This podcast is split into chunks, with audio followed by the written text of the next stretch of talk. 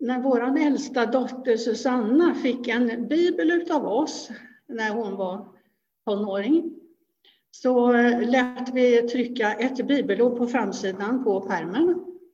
Och det är från Ordspråksboken 4 och 23 och där står det så här.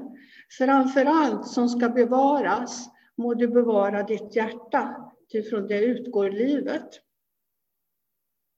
Mitt hjärta, det slår hela tiden, dag och natt.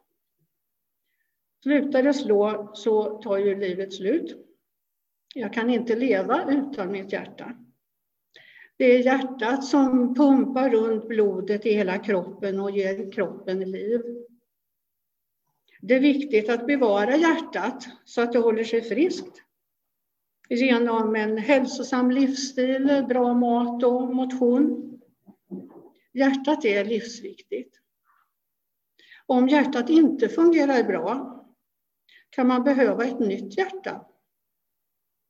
En fantastisk möjlighet för att kunna rädda en människas liv. Hjärtat förknippar vi också med någonting annat. Det är inte en bild av den här blodpumpen som vi skickar med sms eller när vi avslutar ett brev med hjärtliga hälsningar. I den meningen betyder hjärtat en känsla, en värme som vi vill förmedla.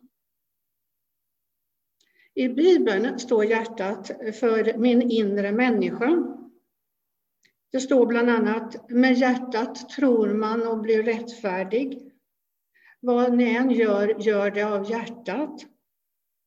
Det står om vishet i hjärtat, glädje i hjärtat, sorg i hjärtat. Men det står också om orena hjärtan.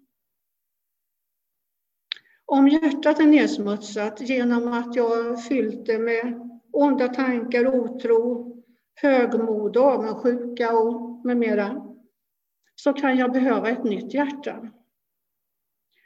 Jesus visar oss hur det går till. Han bultar på mitt hjärtas dörr och vill komma in för att förnya mitt hjärta, städa upp. Och då vill jag svara, välkommen in i mitt öppna hjärta. När Jesus bor där i hjärtat, då hjälper han mig att, att bevara mitt hjärta rent. Vi läser i Lukas kapitel, det sjätte kapitlet. En god människa bär fram det som är gott ur sitt goda förråd, hjärtats goda förråd. Och en ond människa bär fram det som är ont ur sitt onda förråd. Vad hjärtat är fullt av, det talar munnen. Jag ber ofta på morgonen med psalmistens ord. Låt min muns tal och mitt hjärtas tankar behaga dig, Herre. Ingen annan än Jesus kan se in i mitt hjärta. Han känner mig bättre än någon annan. Anders Piltz skriver i sin bok eh, eh, Morgon, Morgonens nåd och nattens trofasthet. Då skriver han det väldigt bra, jag citerar det. Varje människa har ett eget innersta rum som ingen annan får tränga in i. Det är där man har stämt träff med Gud. Ingen utom han har insyn, ingen annan har nyckeln. Vår fullständiga identitet finns bara i Gud. Vi är en osynlig skrift som bara Gud kan tyda. Han är ju författaren. Gud ser när det finns glädje, tacksamhet, förnöjsamhet i mitt hjärta.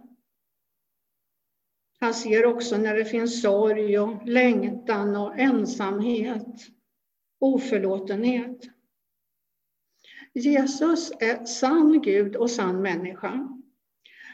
Som människa förstår han mig och som Gud kan han hjälpa mig med det som är svårt. Ta bort det som smutsar ner hjärtat och ge mig ett nytt hjärta. Från hjärtat utgår livet, läste vi i Ordspråksboken.